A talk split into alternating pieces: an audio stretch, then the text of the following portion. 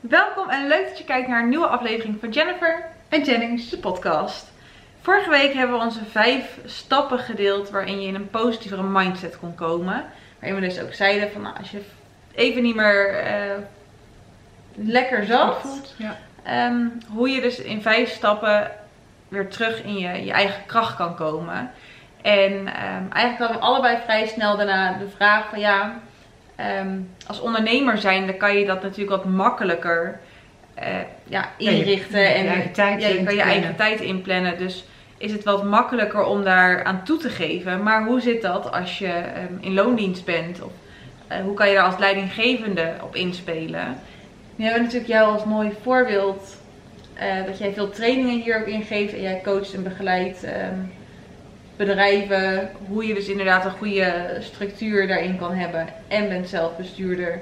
Dus eh, je hebt het in je eigen team ook natuurlijk, dat iedereen nu thuis werkt. eh, zieke kinderen die in één keer thuis zijn. Dus we dachten misschien ook mooi om eh, nu even hierop in te zoomen van hoe kan je daar als, als leidinggevende en als, eh, als bestuurder mee omgaan. En waar ligt vooral de grens? Ehm, wat is de verantwoordelijkheid vanuit de leidinggevende? Eh, hoe ver moet je meegaan in een privé situatie? Dus Ja. Nou, dat is mooi, want die vraag die, eh, die krijg ik ook heel vaak inderdaad tijdens de trainingen die ik dan, dan geef over HRM en over leiding geven. Waarbij inderdaad de, de eigenaar of de leidinggevende zeggen, ja, hoe ver moet ik nou meegaan? En, en de, de antwoord wat ik daar standaard ook op geef, is dat in de wet het ook vastgelegd is dat je als werkgever moet zorgen voor een veilige eh, werkomgeving.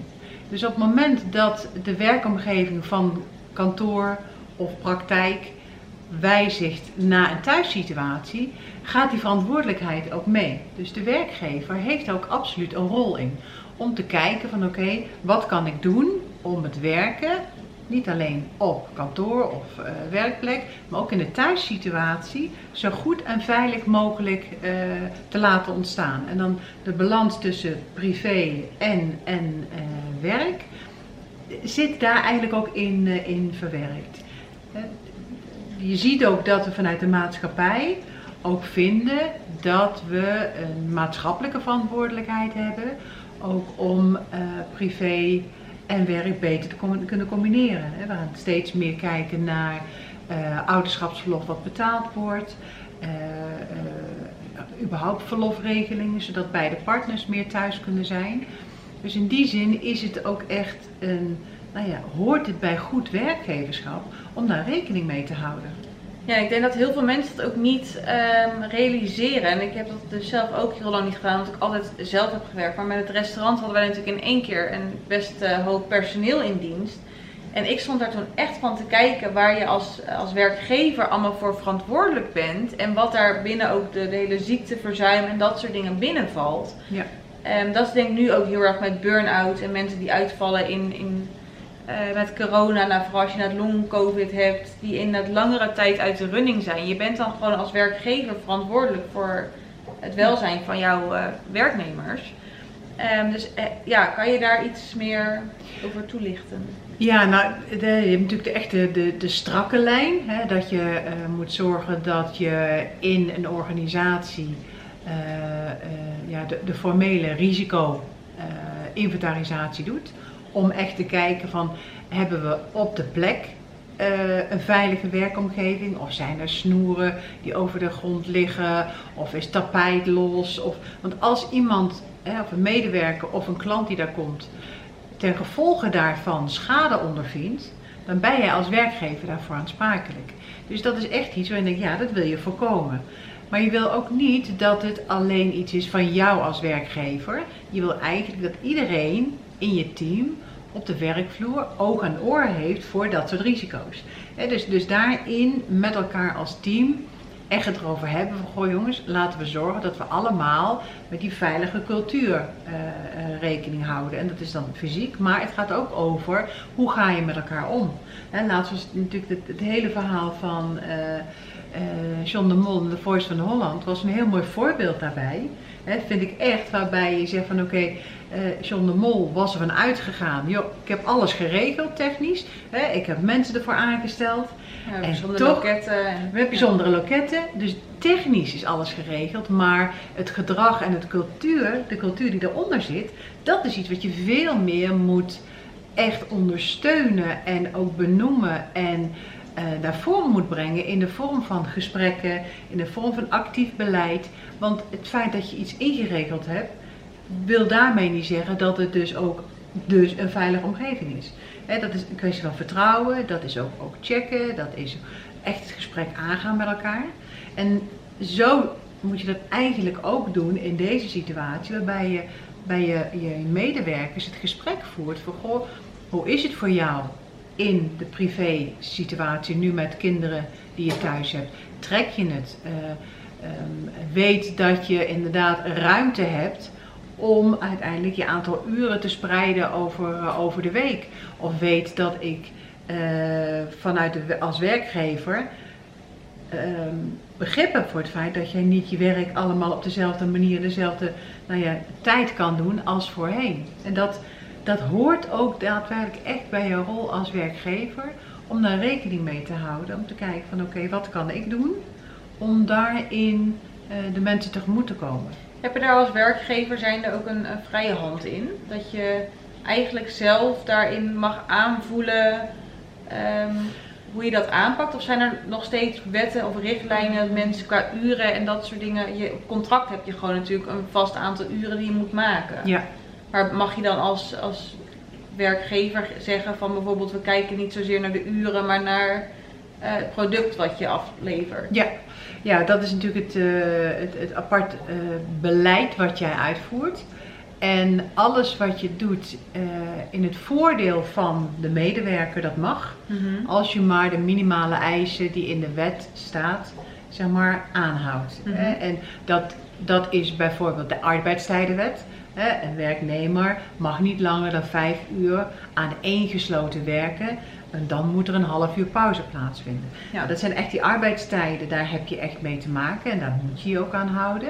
Maar op het moment dat je juist zegt van joh, ik ben hier flexibel in. Ik zorg dat ik juist een sfeer creëer waarin de medewerker aan kan geven.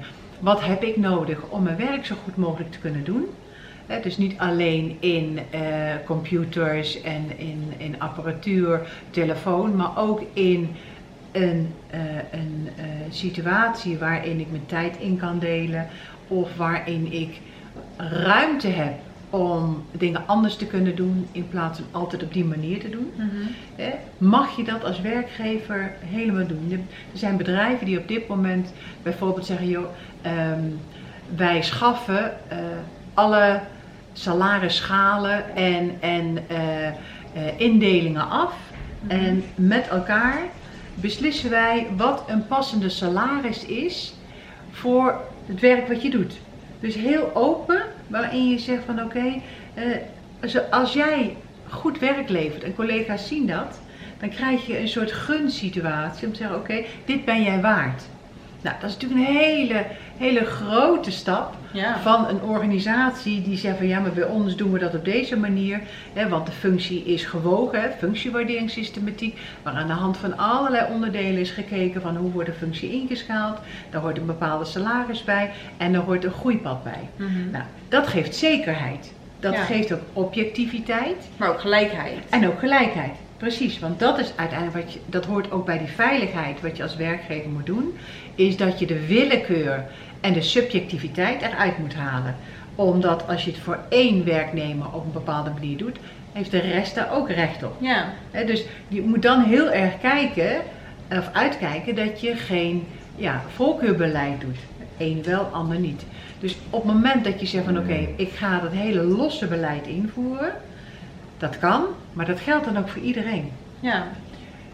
En dat vergt van leidinggevende heel veel als jij gewend bent om eigenlijk vanuit een strakke functiebeoordeling per jaar met één of twee functie, eh, functioneringsgesprekken te beoordelen, jij doet het goed. En ook om heel directief leiding te geven.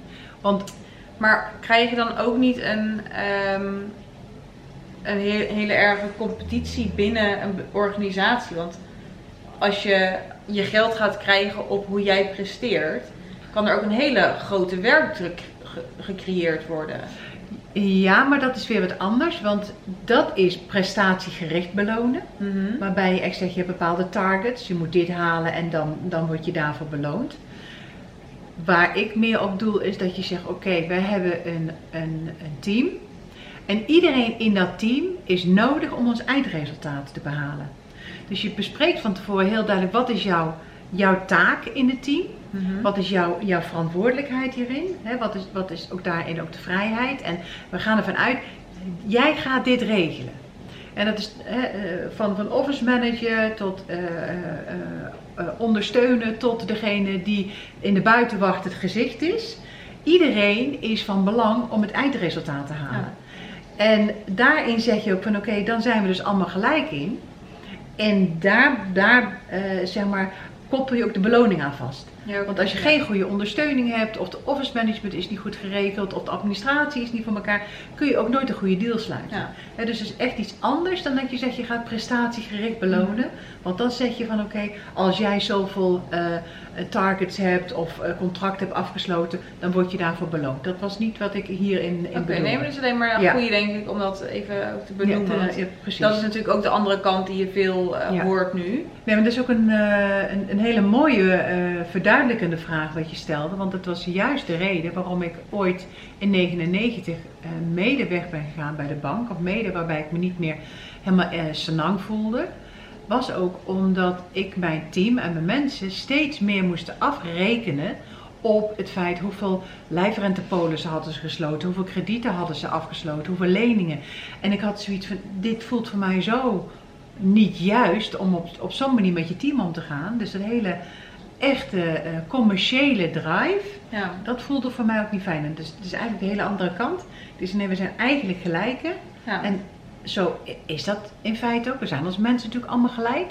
Je hebt wel andere rollen en andere verantwoordelijkheden. En er mag best een iets zwaardere beloning aan zitten. Maar door te erkennen dat iedereen nodig is in jouw organisatie, jouw systeem, hè, maak je ook dat je zegt van oké, we zijn met z'n allen nodig om het eindresultaat eh, Ja. te behalen. En ik denk dat dit ook een hele mooie is naar dat binding-verbinding. Heb je gewoon allemaal losse spelers in je werkveld? Of ben je echt een team met elkaar? En ben je de, ga je de verbindenis met elkaar aan? Van we gaan met elkaar, zijn we een Ja. team met elkaar, zijn we verantwoordelijk hiervoor? En dat je iedereen veel meer op scherp houdt van het bewustzijn van jouw deel in de organisatie. Ja. Ja, en dat is ook echt een, een, een stuk theorie natuurlijk over ontwikkeld over teamvorming. Mhm. Er zijn vier fasen van teamvorming. De fase van Tuckman noemen ze die dan. Eh, en inmiddels trouwens zijn het er vijf. Maar vaak hebben de mensen er wel van gehoord dat je vorming, storming, norming en performing. hè, en dan de vijfde is tegenwoordig de adjourning, is dan weer het vertrek.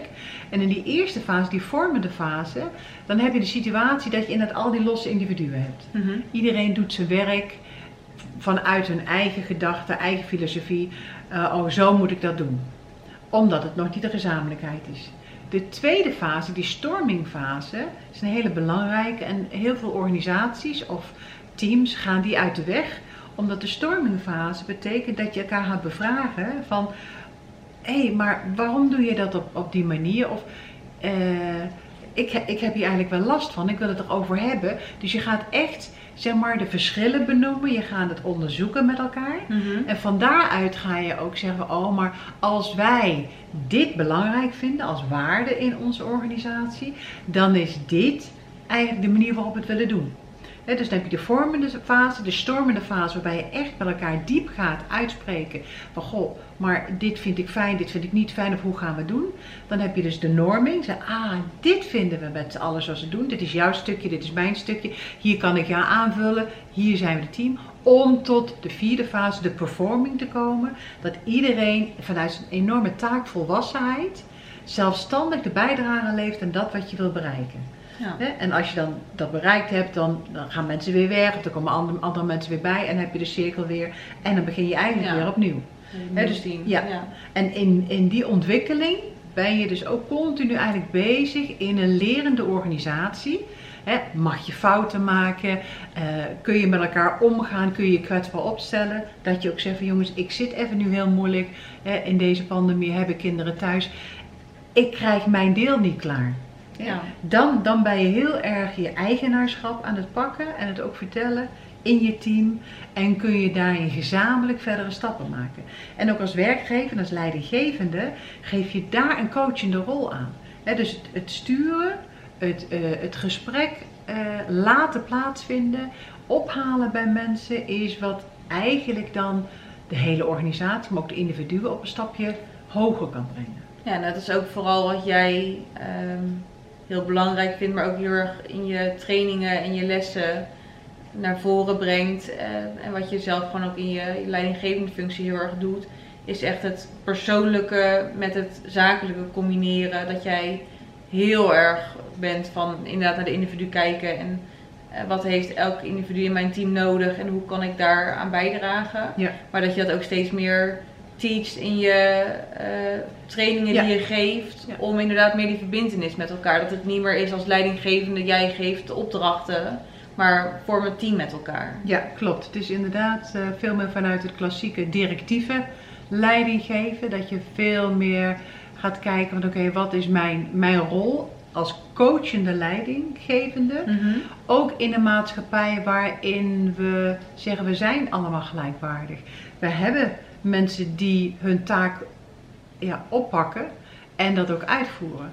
En, en daarin ga je kijken van oké, hoe kunnen we het verder brengen? En daar waarbij ik nou, zelf al eh, 30 jaar leidinggevende ben, ben ik steeds meer inderdaad in staat ook om in de overdracht eh, met, met nou ja, training of workshops aan te geven. Oké, en hoe doe je dat dan? Want je neemt jezelf als leidinggevende ook hierin gewoon altijd mee. Ja. En het vergt van leidinggevenden en ook van bestuurders, ook op bestuurlijk niveau, heel veel van jou als leidinggevende als van bestuurder.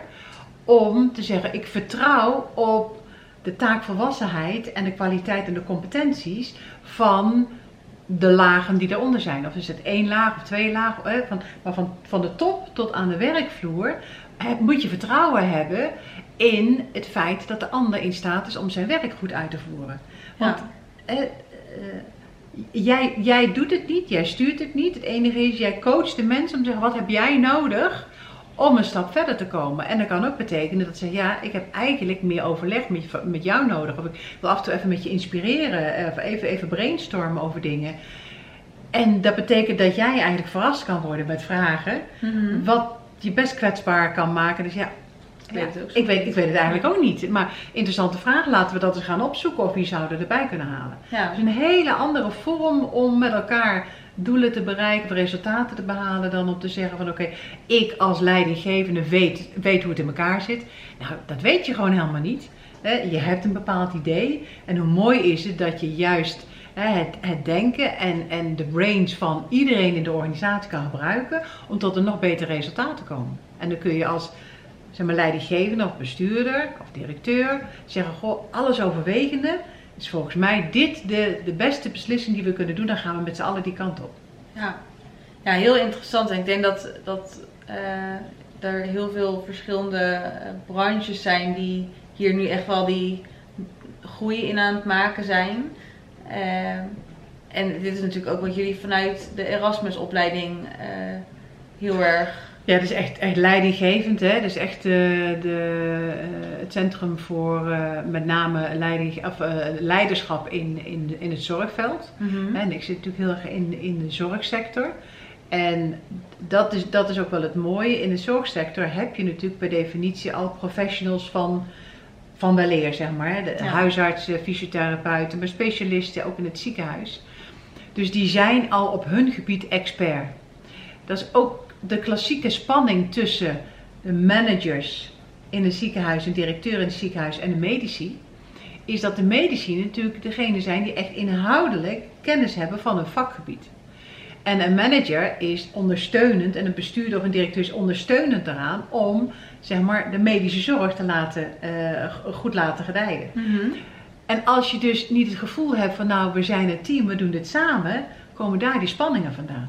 Ja. Want als je echt zeg maar, vanuit je hiërarchische lijn zegt als bestuurder of als directeur, maar ik beslis het, dan kom je natuurlijk enorm in het gedrang met die professional. Die zegt, ja, maar daar, dat gaat niet goed. Want ik weet voor de patiënt of voor de individu dat het niet goed is.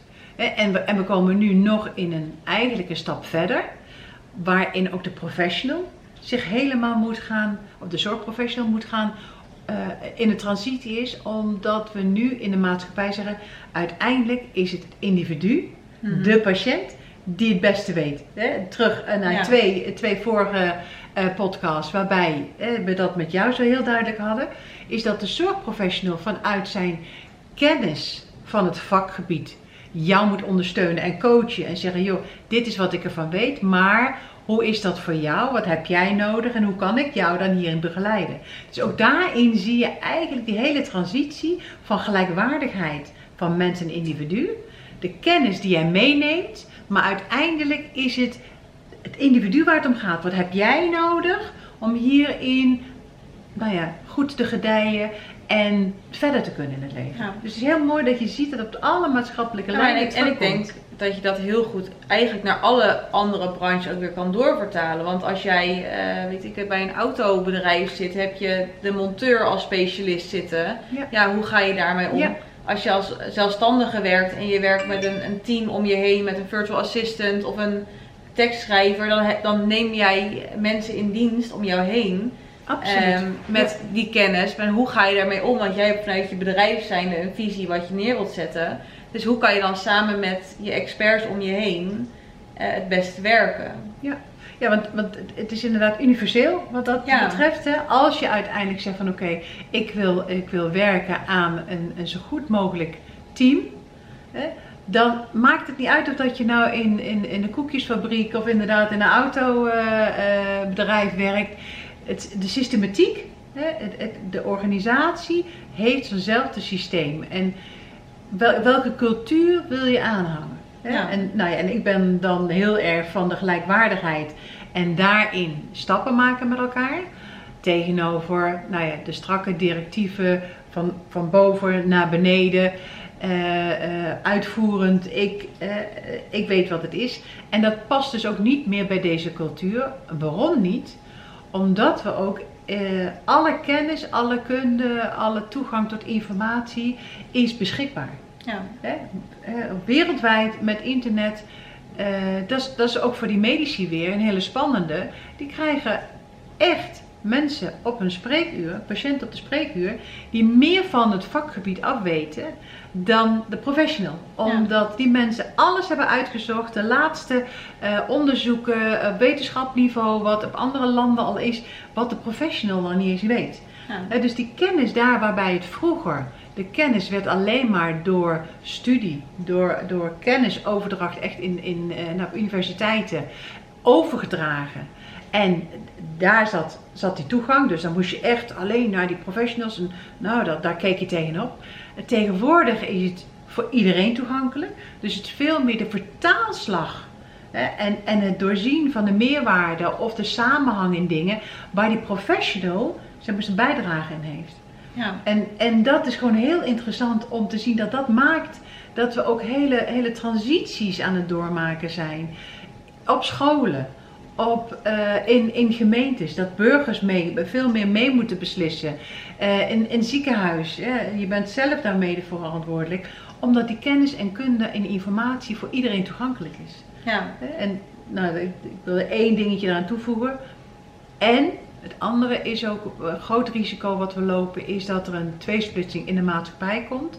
Omdat er een groep is, ook in onze maatschappij, die minder die toegang tot de digitale wereld heeft. En, en dat kan ook een, een tweespalt veroorzaken. Dus we moeten heel erg alert zijn op de groep die minder toegang heeft daartoe. Dat die ook in die gelijkwaardigheid meegenomen wordt. Op, eh, op, de manier waarop voor hun het toegankelijk wordt. Ja, ik denk dat het heel interessant is. En ik denk uh, dat het voor best wel wat mensen die luisteren een trigger kan zijn om zelf eens na te gaan van hé, hey, uh, ik ben een leidinggevende binnen mijn organisatie, binnen mijn bedrijf. Uh, en hoe sta ik er nu in? En ik vind het wel interessant om meer die kant op te gaan. Heb je daarvoor een, uh, nog een tip of een boek of een. oh, er zijn heel veel, heel veel boeken. Um, ik wil één specifieke boek wel aanstippen die ik met name voor heel veel leidinggevende vrouwen eh, eh, heb eh, zelf ontdekt en die ik heel vaak als een tip geef. En dat is Stratego voor vrouwen. En waarom? Omdat daarin alle elementen van het leiderschap in verschillende hoedanigheden in je vrouw zijn naar voren komt. Mhm. En dat je dan als eh, leidinggevende vrouw eigenlijk daarin leert, oh, maar ik moet nu de fakes in mij naar voren laten komen. Of ik moet nu het zorgende naar voren laten komen. En dat is heel erg mooi vertaald in die strategen voor vrouwen, omdat wij van nature dat minder hebben. Mhm. Dus dat, dat zou ik in ieder geval aan de vrouwen willen meegeven. Nou, hele mooie Dus dat is echt, eh, en, en nou, ik heb het zo vaak al eh, aan, aan vrouwen doorgegeven. 9 van de 10 keer is zo van, oh ik vond het zo interessant, ik heb er zoveel aan gehad. Dus Stratego voor vrouwen, die is echt heel erg leuk. Nou, mooi. Ik denk dat we hem daar eh, mee kunnen afronden. Heel veel informatie, denk Ja, ik weer. Ik denk weer heel diepgaand eh, en echt waar mensen weer even mee aan de slag kunnen voor zichzelf. Ja. Eh, waar sta jij nu inderdaad in je, in je leidinggevende functie? Of hoe zit het bij jou binnen een organisatie? Ehm, ja, het kan ook anders als je inderdaad zelf merkt van dit is niet meer de manier waar ik 100% achter sta. Ja, mooi. Het is echt, eh, echt leuk. En dat, dat vergt van jou als leidinggevende ook die transitie van durf je los te laten. En wat heb jij nodig om dat te kunnen doen? Ja? En, eh, of misschien dat je zegt, ik wil het wel, maar ik zie dat mijn eigen leidinggever of directeur of baas dat niet wil. Nou, het is misschien leuk om, om dat gesprek aan te gaan. Eh, ook onderbouwd met die verandering in, eh, in de maatschappij. Dat je het past eigenlijk niet meer. Hoe kunnen we mensen bij ons houden? Want dat is natuurlijk het andere wat speelt. Ja. Eh, heel veel, hè, we hebben een, een, een, een tekort aan arbeidscapaciteit. Kun je op die manier mensen, goede mensen binnenhalen, maar ook binnenhouden. Ja. Om ze inderdaad die vrijheid te geven. Ik vond het heel erg leuk om het zo ook weer even nou, te kunnen delen vanuit mijn hoofd en hart. Van, oh ja, hoe doe ik dat ook alweer? ja, Dus leuk, leuke vragen heb je ook gesteld. Vond ik ook eh, heel erg leuk. bedankt. Mooi. Nou, dit was hem voor deze week. Dankjewel voor het kijken of luisteren. Vind je hem leuk? Laat dan even een eh, duimpje of een reactie achter. En vind je het een interessant onderwerp, wil je er meer over horen? Laat het dan ook zeker weten. Want je hoort het, er zit heel veel informatie in. Dus eh, daar kunnen we nog zeker verder op ingaan. Dankjewel en tot volgende week weer. Doei doei!